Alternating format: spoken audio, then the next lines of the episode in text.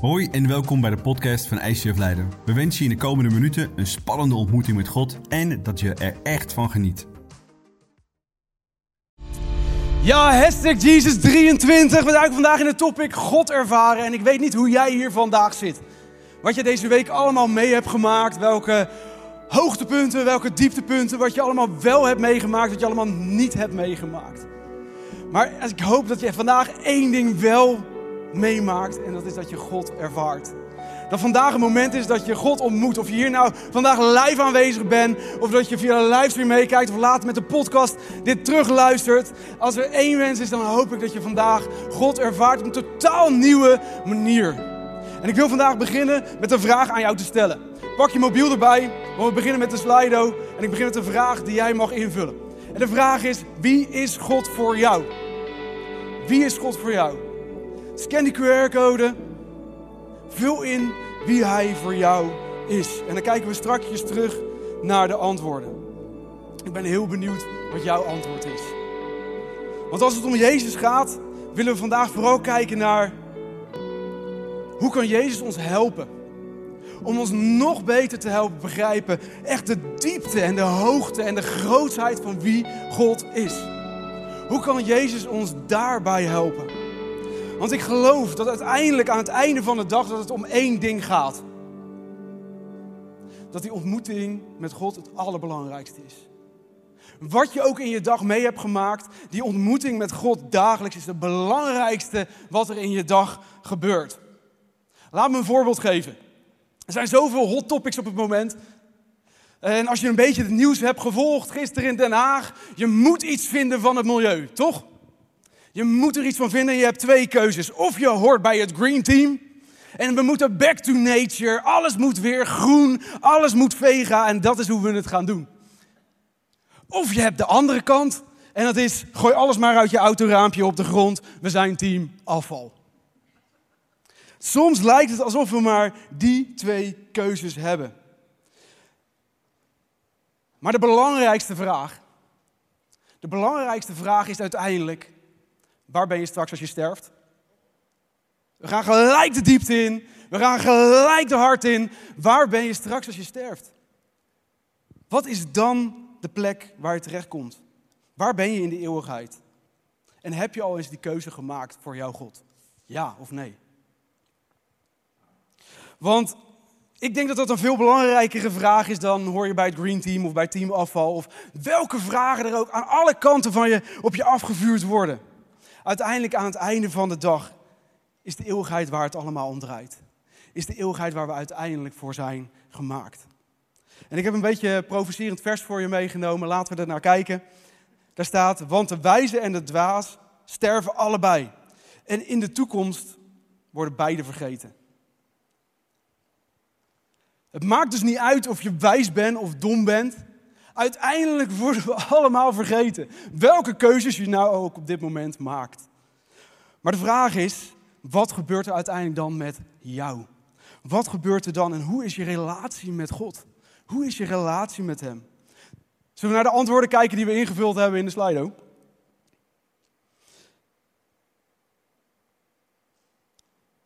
Even kijken. Ja, er, verandert, er zijn nog allemaal mensen nu tussendoor aan het invullen. Oké, 8% zegt van jullie. Jezus is een zeer wijze man. En uh, als je in de Bijbel duikt en je ziet de uitspraken van Jezus en wat hij allemaal deed, was dat ook heel diepgaand. En was hij ook een hele wijze man. Maar hij was nog veel meer dan dat. De volgende groep zegt meer dan 50%, hij is mijn beste vriend. En dat vind ik een mooi antwoord, want dat betekent dat je al een vriendschap met hem hebt. Dat betekent dat je blijkbaar een bepaalde relatie met deze Jezus hebt. Is een fantastische start natuurlijk. 50% zegt hij is mijn beste vriend. De volgende groep zegt van 27% hij is Gods zoon. Een beetje achtergrondinformatie. Dit is de reden waarom hij gekruisigd is. Goed antwoord. De mensen, het volk vroeg aan hem, bent u dan Gods zoon? En hij zei, ik ben het. En dat gaf hem genoeg reden om te zeggen, oké, deze man die gaan we oppakken en die laten we kruisigen. En de laatste groep zegt van 14%, Jezus, wie is die voor jou? Hij is God. Jezus is God. Is Jezus God? Dat is wel een van de kernvragen in het hele christendom. Dus het is goed dat je hier vandaag bent, want dat is het topic precies waar we in gaan duiken. Is Jezus God en waar was hij dan op die momenten? En laten we beginnen door de Bijbel in te duiken. En we duiken naar 1300 voor Christus. Voordat Jezus überhaupt de wereld was. 1300 jaar daarvoor. Laten we naar het verhaal kijken van Mozes. We lezen, Mozes was gewoon de schapen en de geiten van zijn schoonvader Jethro te weiden. En eens dreef hij de kudde ver de woestijn in en zo kwam hij bij de berg Horeb, de berg van God. En de berg Horeb werd ook wel de berg Sinaï genoemd. En voor een beetje de oplettende lezer, als je al vaker de Bijbel hebt gelezen, dat klopt, de berg Sinaï is die berg waar God uiteindelijk ook zijn wetten geeft aan Mozes. Dezelfde berg. We lezen verder. En de hengel van de Heer verscheen hem in een vuurvlam uit het midden van een doornstruik. Hij keek toe en zie, de doornstruik brandde in het vuur, maar de doornstruik werd niet verteerd. Dus Mozes zei, laat ik nu naar, de, naar dit indrukwekkende verschijnsel gaan kijken. Hij werd, zijn aandacht werd getrokken. Hij denkt, wat gebeurt hier? Het staat in brand, het verbrandt niet. Hier moet ik naar gaan kijken. Waarom verbrandt hij niet? En toen de Heere dit zag, dat hij ging kijken, riep God tot hem uit het midden van de doornstruik. En hij zei, Mozes, Mozes. En Mozes zei, hier ben ik. En God zei, kom niet dichterbij. Doe je schoenen van je voeten. Want de plaats waarop je staat is heilige grond. Oké, laten we kijken wat hier gebeurt. Want vorige week hebben we gezien al dat de engel van de Here, dat die Jezus vertegenwoordigt. En Jezus hiermee al in het Oude Testament aanwezig was. En dat hij niet achterover zat, lekker op het terrasje, een koffietje zat te drinken, te chillen, tot eindelijk hij eens een keer in seizoen 2 zou gaan verschijnen. Hij was in dat eerste seizoen al aanwezig. Met andere woorden, Mozes ontmoette Jezus 1300 jaar voordat hij op aarde kwam als mens. Maar nu gebeurt er iets bijzonders in de Bijbelvers. Want de engel van de Heer wordt opeens beschreven als God. Dus wat gebeurt hier? Verwisselen God en de engel van, van plek in die struik? Of staat de engel van de Heer naast die struik gewoon te staan en spreekt God er doorheen? Of het klinkt allemaal niet logisch wat hier gebeurt. Het lijkt er eerder op dat de engel van God hier spreekt. En hij spreekt namens God. Hij handelt hier namens God. En er is meer. Want God droeg Mozes op zijn volk uit de slavernij in Egypte op te, uh, te bevrijden. En Mozes zegt, dat, is nogal een grote job. God, ik heb hier een paar vragen over. Kan dat? Dat kan. Lezen we verder. En Mozes zei tegen God, zie wanneer ik bij de Israëlieten kom en tegen hen zeg, de God van uw vaderen heeft mij naar u gezonden. En zij mij zeggen, wat is dan zijn naam? Wat moet ik dan tegen hen zeggen? En God zei tegen Mozes, ik ben die ik ben. En ook zei hij, dit moet u tegen de Israëlieten zeggen. Ik ben, onthoud deze, want hier komen we straks op terug. Ik ben, heeft mij naar u toegezonden. En toen zei God verder tegen Mozes: Dit moet u tegen de Israëlieten zeggen. De Heere, de God van uw vaderen, de God van Abraham, de God van Isaac, de God van Jacob, die heeft mij naar u toegezonden. Dit is voor eeuwig mijn naam. Dit is mijn naam ter nagedachtenis van generatie op generatie. En eeuwig is eeuwig. Eeuwig is nog steeds nu? Ja. Dit is nog steeds zijn naam. Wat God hier zegt tegen Mozes is key. Ik ben die ik ben. En wat valt je op in de Bijbelvers? En dan bedoel ik vooral dat plaatje, dat mooie vraagtekentje wat erin staat. Ik had vroeger zo'n grote grijze Game Boy en dan zat ik uren Mario te spelen. Mensen die Mario kennen? We zijn ermee opgegroeid mensen. En ik zat Mario en hij was een klein mannetje in een 2D-wereld die maar één kant op kon rennen. En er zaten allemaal blokjes in de lucht en als ik daar tegen aansprong, dan kwamen daar schatten uit. Kwamen daar kleine muntjes uit. Wij gaan samen vandaag op schattenjacht. Laten we nog een keer naar dit vers kijken. Laten we nog een keer kijken en ontdekken wat er achter dat blokje zit. Precies. Als we naar dit vers kijken, dan staat er dit woord heren. Dat is Hebreeuws voor Yahweh. In de Hebreeuws vertaling staat er Yahweh. Dus op alle 6000 plaatsen in de Bijbel waarin deze naam wordt genoemd, weet je dat dit gaat over God. Ik ben die ik ben. En deze naam Yahweh, Heer, wordt hier afgewisseld met de engel van de Heer, maar dus ook met God. Ze zijn één. We hebben het net in de brandende braamstruik gezien. En vorige week zagen we dat God als mens bij Abraham kwam. En dat het dezelfde is als Jezus. En we maken het nog interessanter. Laten we een tijdsprong weer terugnemen naar 1300 jaar vooruit. We gaan weer terug naar Jezus toen hij als mens op deze aarde rondliep. En we zijn nu in de hof van Gethsemane. Kan je het plaatje voor je hebben? Jezus is daar en er komen soldaten op hem afgerend om hem gevangen te nemen. En hij weet dat dat gaat gebeuren. En we lezen in de Bijbel, hij liep naar hen toe. En hij zegt, wie zoeken jullie? En ze antwoorden, Jezus van Nazareth. Ik ben het, zei Jezus. Terwijl Judas, die hem kwam uitleveren, erbij stond. En toen hij zei, ik ben het, deinsden ze achteruit en vielen ze op de grond. Als je naar dit vers kijkt, moet er één ding opvallen. Er moet één vraag bij je naar boven komen. Er komt hier een soldaat op ze afrennen. Ik heb een voorbeeld van een soldaat meegenomen uit die tijd. Ze hadden grote panzers aan, ze hadden helmen op, ze waren getraind, het waren sterke mannen. Ze waren gewend om een marathon met een rugzak op te rennen en dan waren ze nog klaar om een strijd te leveren. Als ik vier trappen omhoog moet rennen met de rugzak op, dan moet ik bijkomen. Maar deze mannen niet, die waren dit gewend. En wat gebeurt er? Jezus zegt, ik ben het en ze vallen achterover. Waarom vallen deze soldaten achterover? Wat maakt dat ze vallen? Opnieuw zit hier zo'n mooi blokje in deze tekst. Laten we nog een keer nakijken en laten we ontdekken wat daar achter dat blokje zit.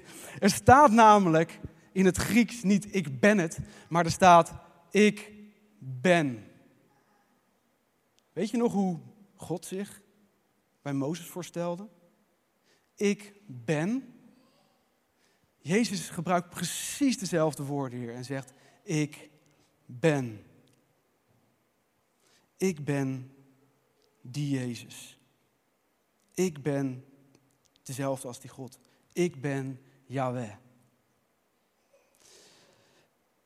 En die soldaten vallen om. En we zien dit vaker in de Bijbel voorbij komen. We zien dit bij Ezekiel.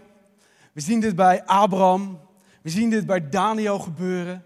We zien dit bij de priesters gebeuren, dat als het heilige de heilige in willen komen, dan vallen ze zelfs dood om. Niet iedereen mocht daar naar binnen lopen, want dat was de plek waar God was. Op het moment dat ze oog in oog kwamen met God, dan vielen ze om.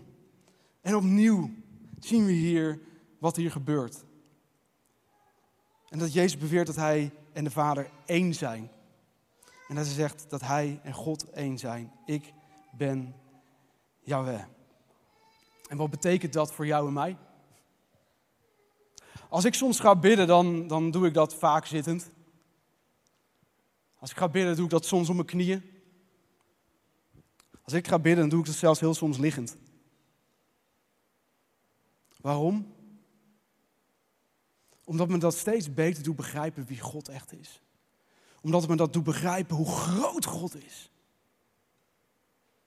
En het is een stuk eerbied naar hoe groot God voor mij is.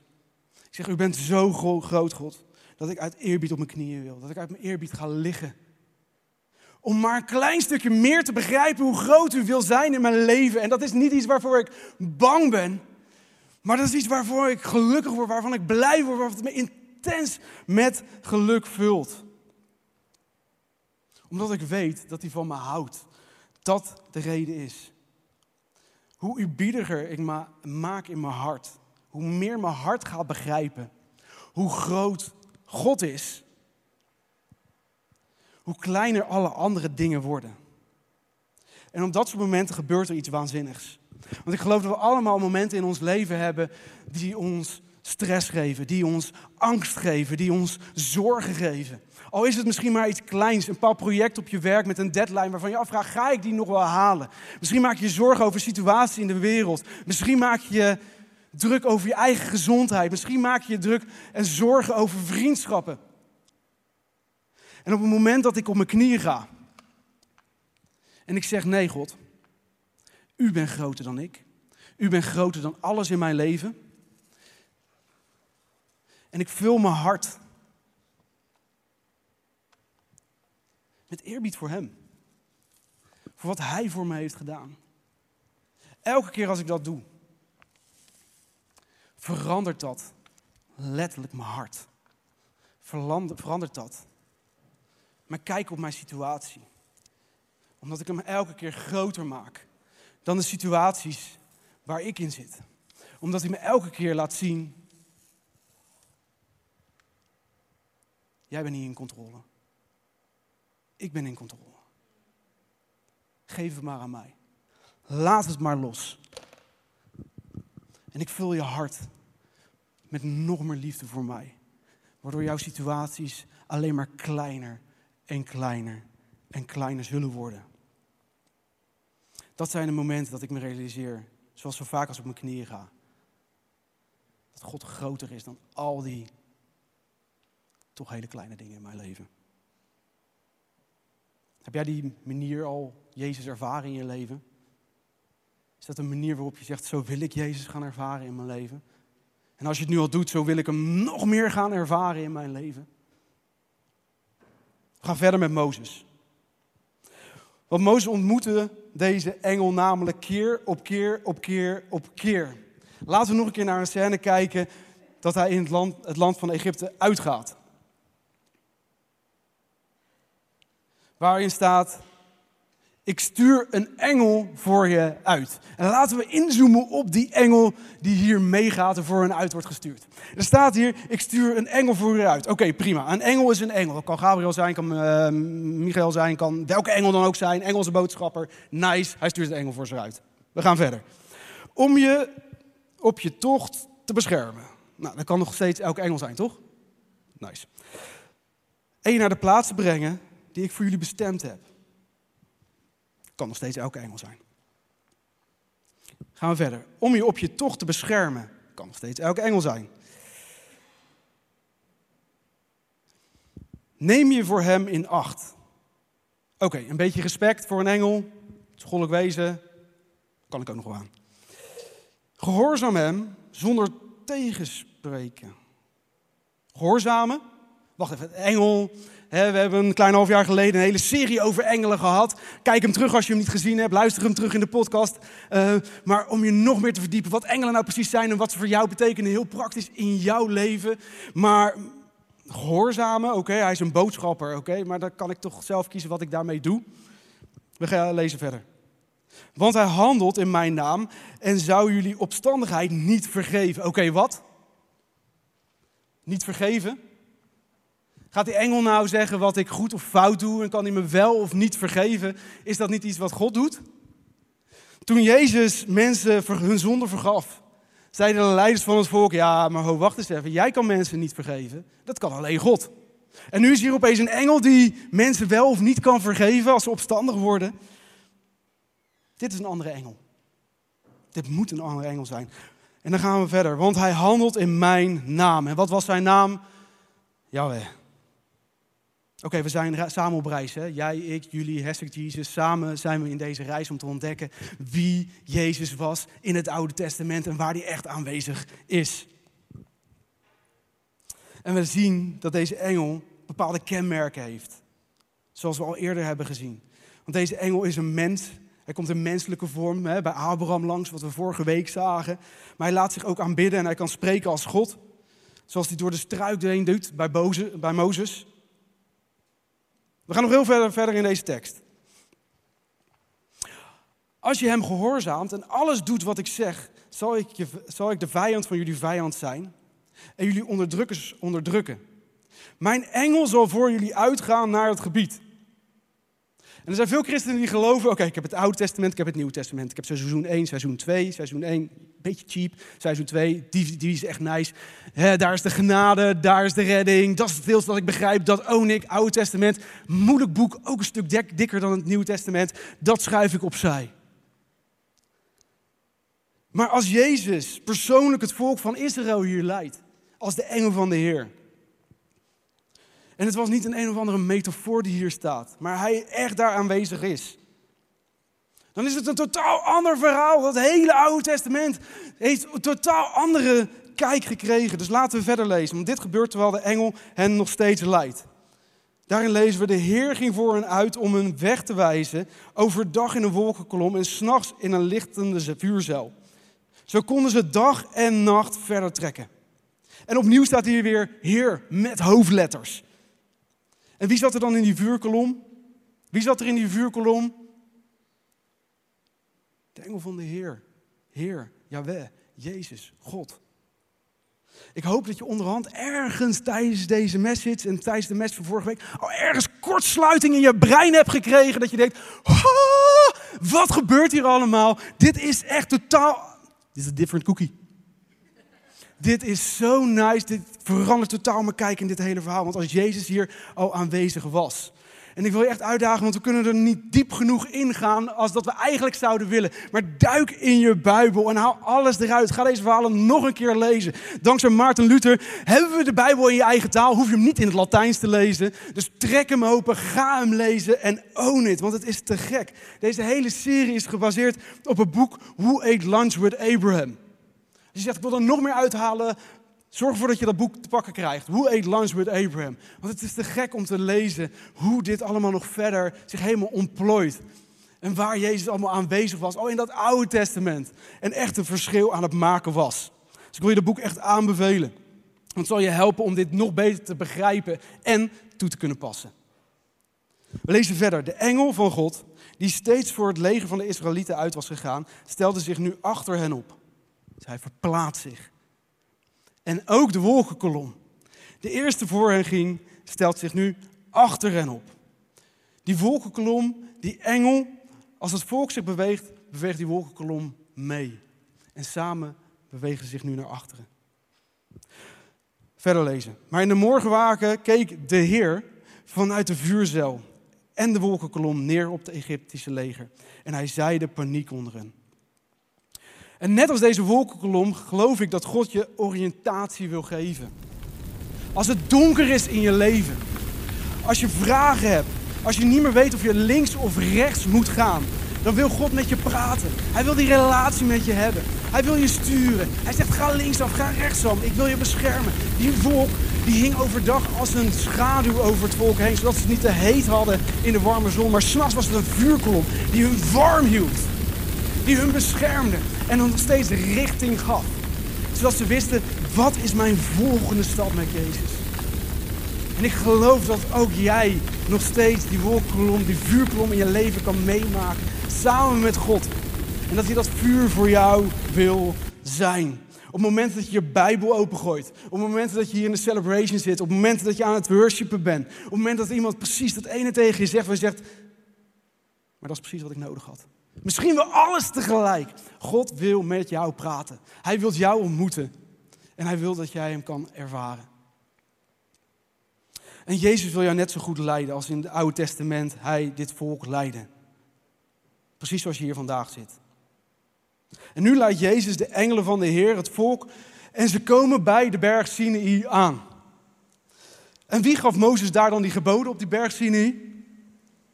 Nou, voor de oplettende weten we het al, maar laten we ontdekken samen wie dat was. Of het de engel van de Heer was, of dat het Mozes was op de berg. Laten we luisteren.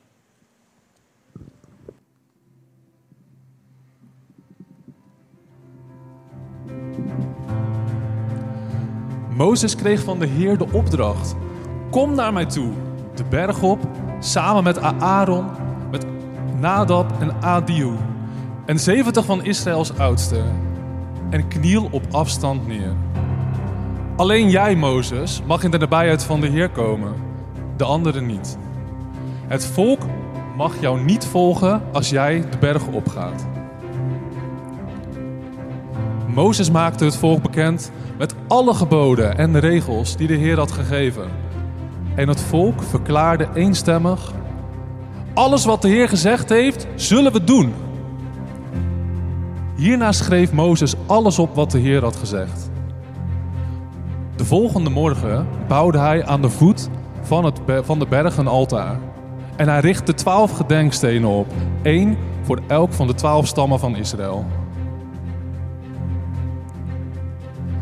Hij droeg ook een aantal jonge Israëlieten op om de Heer brandoffers te brengen en stieren te slachten voor een vredeoffer. Mozes nam de helft van het bloed en deed dat in schalen. En de andere helft die goot hij tegen het altaar.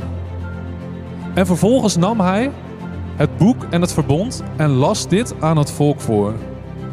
En zij zeiden: Alles wat de Heer gezegd heeft, zullen we doen. en ter harte nemen. Toen nam Mozes het bloed en besprenkelde daarmee het volk. Met dit bloed, zei hij, wordt het verbond verkrachtigd dat de Heer met u heeft gesloten, door al deze geboden te geven. Hierna ging Mozes de berg op, samen met Aaron, Nadab, Abihu en 70 oudsten van het volk. En zij zagen de God van Israël. En onder zijn voeten was er iets als van een plaveisel van saffier, helder stralend als de hemel zelf. En deze vooraanstaande Israëlieten werden niet door God gedood. Zij zagen hem en ze aten en ze dronken. De Heer zei tegen Mozes: Kom naar mij toe, de berg op en wacht daar. Dan zal ik je de stenen platen geven waarop ik de wetten en geboden heb geschreven om het volk te onderrichten. Samen met zijn dienaar Jozua ging Mozes de berg van God op. En tegen de oudste zei hij: Wacht hier tot wij terugkomen. Aaron, Tjur blijven bij u. Mocht iemand een uitspraak in een geschil willen, dan kan hij zich tot hen wenden. Nou, terwijl Mozes de berg opging, werd deze overdekt door een wolk. De majesteit van de Heer rustte op Sinaï. Zes dagen lang bedekte de wolk de berg. En op de zevende dag riep de Heere Mozes vanuit de wolk. En terwijl de Israëlieten de majesteit van de Heer zagen, als een laaiend vuur op de top van de berg, ging Mozes de wolk binnen en klom hij verder omhoog. Veertig dagen en veertig nachten bleef hij op de berg. Nadat de Heer alles op de Sinai tegen Mozes had gezegd, gaf hij hem twee platen van het verbond, de stenen platen, door Gods vinger beschreven.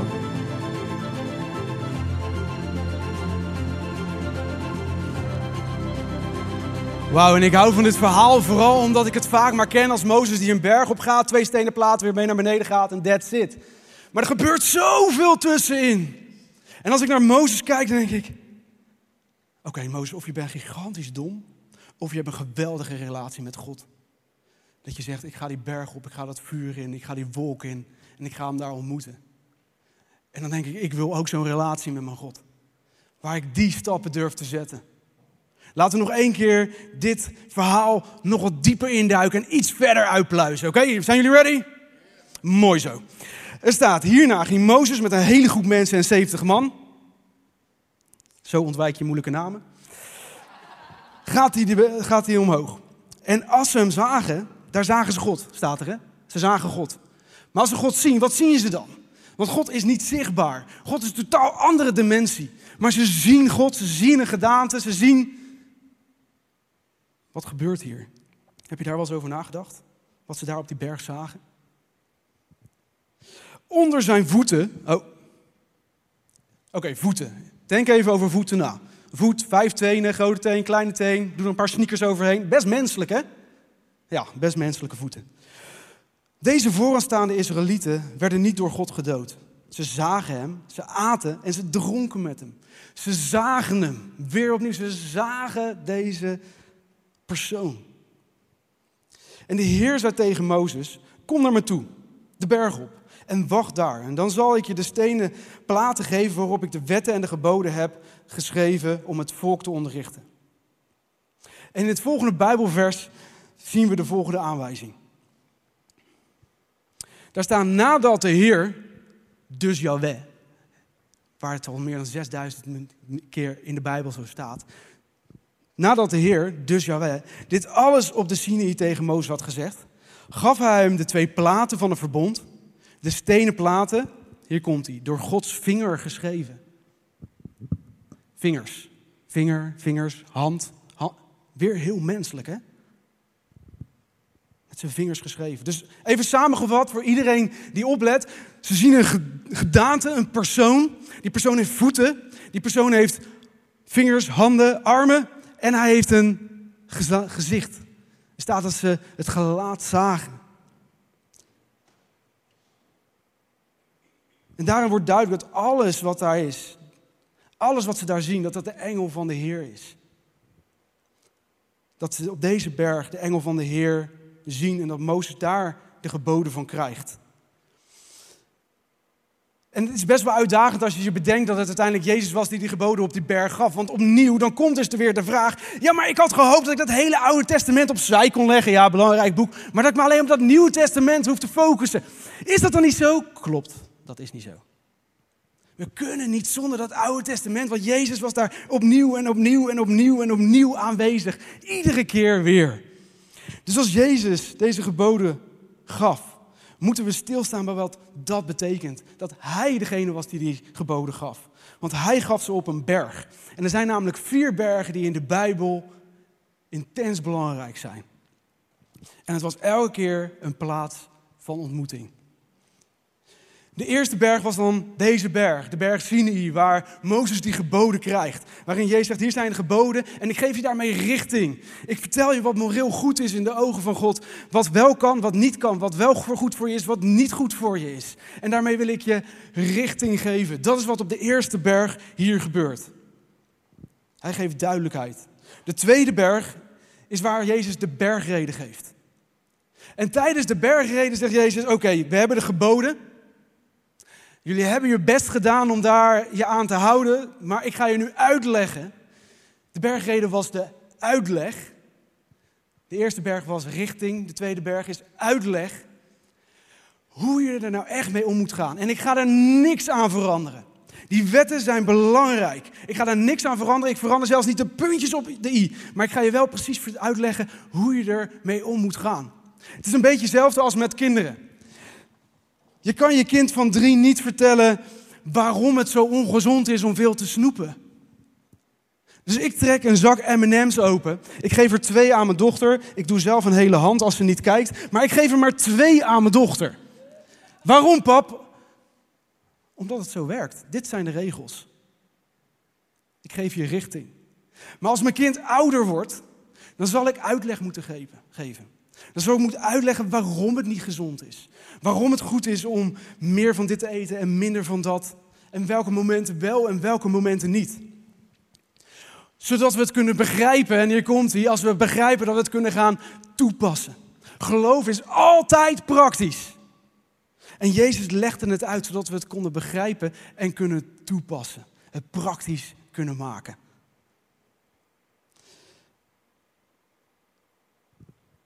We lezen verder in Timotheus.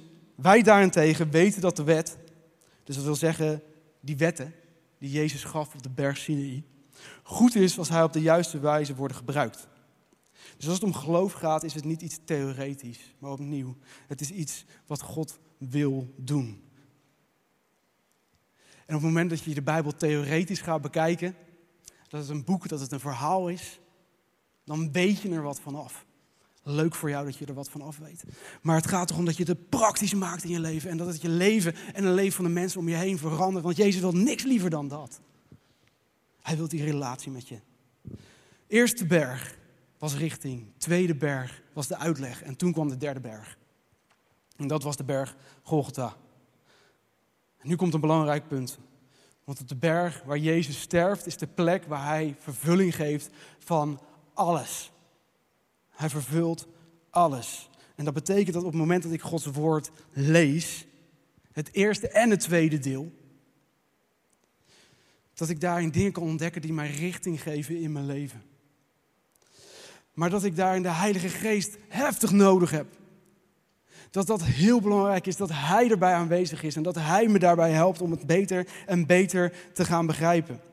Want als ik me alleen aan alle regels hou in het Oude Testament, als ik me aan de regels hou en alleen maar zo leef, dan leef ik een wettisch leven. Dan leef ik een religieus leven. Maar als ik een religieus leven leef en me alleen aan de regels hou, waar is dan dat kruis nog voor nodig? Waar ga ik dan naartoe met mijn vragen? Waar ga ik dan naartoe met mijn verdriet? Waar ga ik dan naartoe als ik mijn redding nodig heb? Zonder het kruis. Alleen regels. Maar als ik Jezus in het centrum zet, niet alleen van het Nieuwe Testament, maar ook van wat er in het Oude Testament gebeurt, dan verandert dat alles. Als ik Jezus in het centrum zet, ook van het Oude Testament, verandert dat alles. Dus ik krijg richting bij de eerste berg. Ik krijg uitleg in de Heilige Geest bij de tweede berg. En ik krijg vergeving, redding bij de derde berg en het kruis. En dat is het tijdloze woord van God. En tijdloos is tijdloos. Net als eeuwig voor eeuwig is tijdloos tijdloos. En dit zijn goddelijke tijdloze principes die altijd zullen blijven bestaan. Die drie bergen die horen bij elkaar. En aan de hand van deze passage, in het eerste en tweede deel wil ik je samen bij stilstaan bij de, de drie bergen. Zodat het misschien nog duidelijker voor, voor je wordt en nog logischer voor je wordt. Want er komt bij Jezus op een dag een vrouw die op overspel is betrapt. En ze willen er stenigen en Jezus zegt, oké guys, wie zonder zonde is, mag de eerste steen gooien. En iedereen druipt af. Niemand kan haar veroordelen. En dan komt het punt waar misschien zelfs wij nog wel eens een beetje moeite mee hebben in ons leven. Wat Jezus hier doet. Hij zegt, ik veroordeel u niet. Ga naar huis en zondig vanaf nu niet meer. Jezus doet hier iets wat vaak zo moeilijk is. Jezus balanceert de weegschaal. Aan de ene kant zegt hij, kijk, er is zonde. En we hebben de wetten.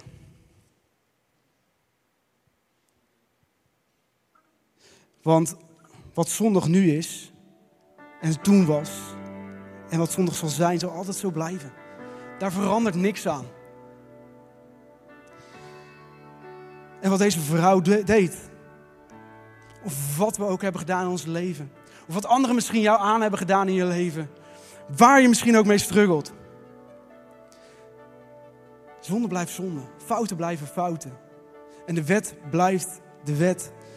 Want wat kapot maakt, maakt nog steeds kapot en zal straks nog steeds hetzelfde kapot maken. Wat er ook in je leven gebeurt. Maar dan doet Jezus waar wij vaak zoveel moeite mee hebben.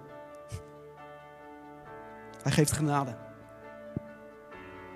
Hij zegt, want alleen op deze manier is het in balans. En we kunnen niet zeggen dat Oude Testament, dat trekken we eruit in die wetten. Want daar voel ik me niet zo lekker bij. Dat is allemaal niet meer nodig. Ik ga alleen voor die redding en die genade. Het is niet in evenwicht. En het eert niet Jezus kruis. Maar op het moment dat we zeggen, ja, we hebben die wetten. We hebben daarmee richting. En Jezus zorgt ervoor dat ik het begrijp. En hij geeft me zijn genade. En hij geeft me zijn redding. Is het in evenwicht. Ze zijn onloskoppelbaar van elkaar. En dit evenwicht is voor Jezus geen probleem. Voor jou en mij is het misschien vaker wel een probleem. Wil ik me aan de wetten houden of wil ik mijn eigen leven blijven leven? Wil ik genade tonen naar een ander of naar mezelf? Of niet? Of accepteer ik ze allebei en zie dat het zo in evenwicht is? Het Oude Testament met de wetten, de richting en aan de andere kant de genade van Jezus opnieuw en opnieuw en opnieuw en opnieuw en opnieuw. En dan in het verhaal gaat Jezus op zijn knieën zitten. En de vrouw komt bij zich. En hij begint met zijn vingers in het zand te tekenen. Hij begint te schrijven. En hij geeft de vrouw uitleg. En er zijn hele boeken volgeschreven, er zijn hele message-series over gedaan. Wat schreef Jezus nou in het zand? En weet je wat ik denk? Ik denk dat het bedoeld was voor die vrouwen, niet voor jou en mij. Wij hebben onze handen al vol om te begrijpen dat die genade voor jou en mij is. Maar ik zie wel dat hij met zijn vingers schreef in het zand. Dezelfde vingers die de wetten schreven op de stenen platen. Dezelfde wetten die richting gaven. En hij gaf uitleg aan deze vrouw. En tot slot is er nog de vierde berg. De vierde berg. En die is belangrijk, want dat is de Olijfberg. En dat is waarin we de Bijbel lezen dat Jezus terug zal komen op deze berg. Dit is de berg die gaat over de eindtijd als Jezus weer komt. Hier gaat het op het moment dat Jezus terugkomt in Israël. En dit is belangrijk dus perspectief. Want we zijn zo vaak bezig met wat vind ik ervan, wat vindt de ander ervan. Wat vindt mijn buurman ervan en wat vindt mijn buurman eigenlijk van wat ik ervan vind. En vice versa. We zijn zo vaak bezig met wat we overal en nergens van vinden. Maar uiteindelijk, aan het einde van de dag, draait het maar om één vraag. Wanneer ik voor God sta. Als ik tegenover hem sta, is het dan in orde tussen mij en hem? Ja of nee? Want ik geloof dat we een geweldige tijd hier kunnen hebben, maar uiteindelijk zijn we gemaakt voor die eeuwigheid. Hij heeft ons gemaakt voor een eeuwigheid samen met Hem. Om echt een relatie te bouwen die we voor altijd met Hem mogen vieren. En de tweede vraag is: ben je klaar om voor God te staan? Want de Bijbel zegt uiteindelijk komt de dag. Uiteindelijk komt die dag. Of je sterft en je staat tegenover God. Of Jezus komt terug en je staat tegenover God. Links of rechts, want u zal tegenover God komen te staan. En dan sta je tegenover God. En dan? En dit is al gelijk waar zoveel gelovig over begint te discussiëren. Lekker hobbyloos. De eindtijd is nu. De eindtijd moet nog komen. Wanneer komt de eindtijd? Weet je wat ik zeg? Lees je Bijbel. Pandemie, oorlog, hongersnood, natuurramp, no matter what.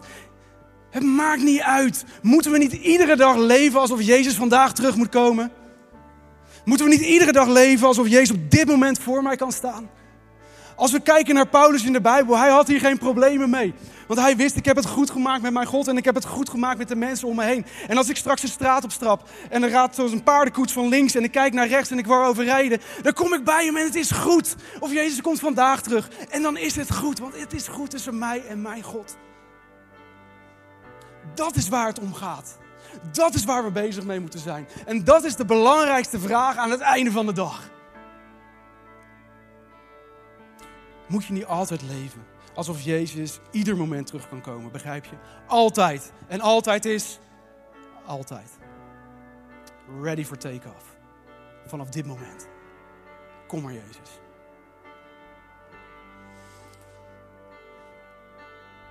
Is het spannend soms?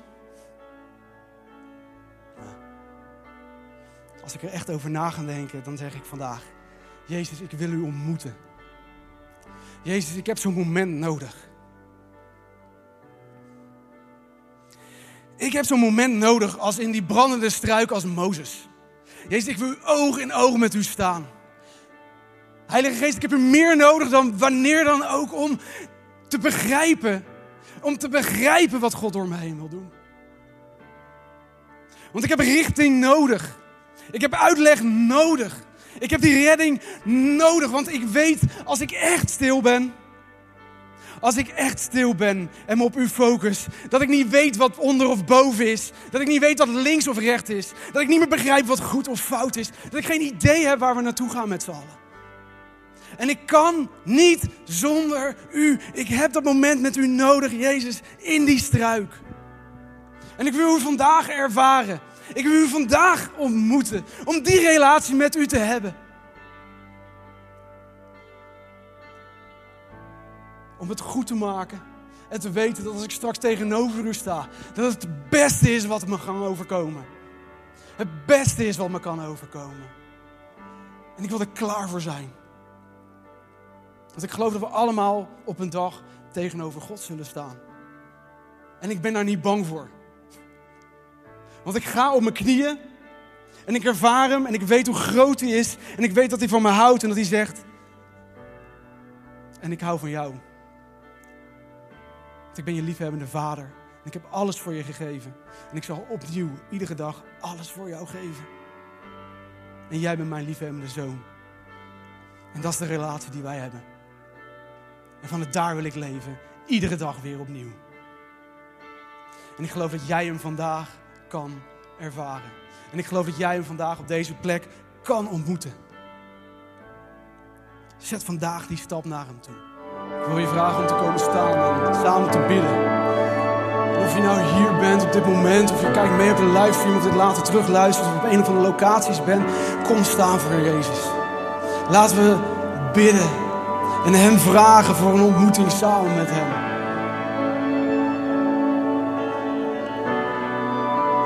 Jezus, we willen U ontmoeten en we willen U ervaren. Allereerst, Jezus, willen we U vragen om stilte. Stilte in mijn hart, stilte in mijn hoofd. Alle afleidingen weg te nemen. Alle religiositeit die ik de afgelopen jaren door me heen heb gevoeld, wegnemen. Het wettische wegnemen. Maar u centraal te zetten in mijn leven. En echt in de stilte u te ervaren.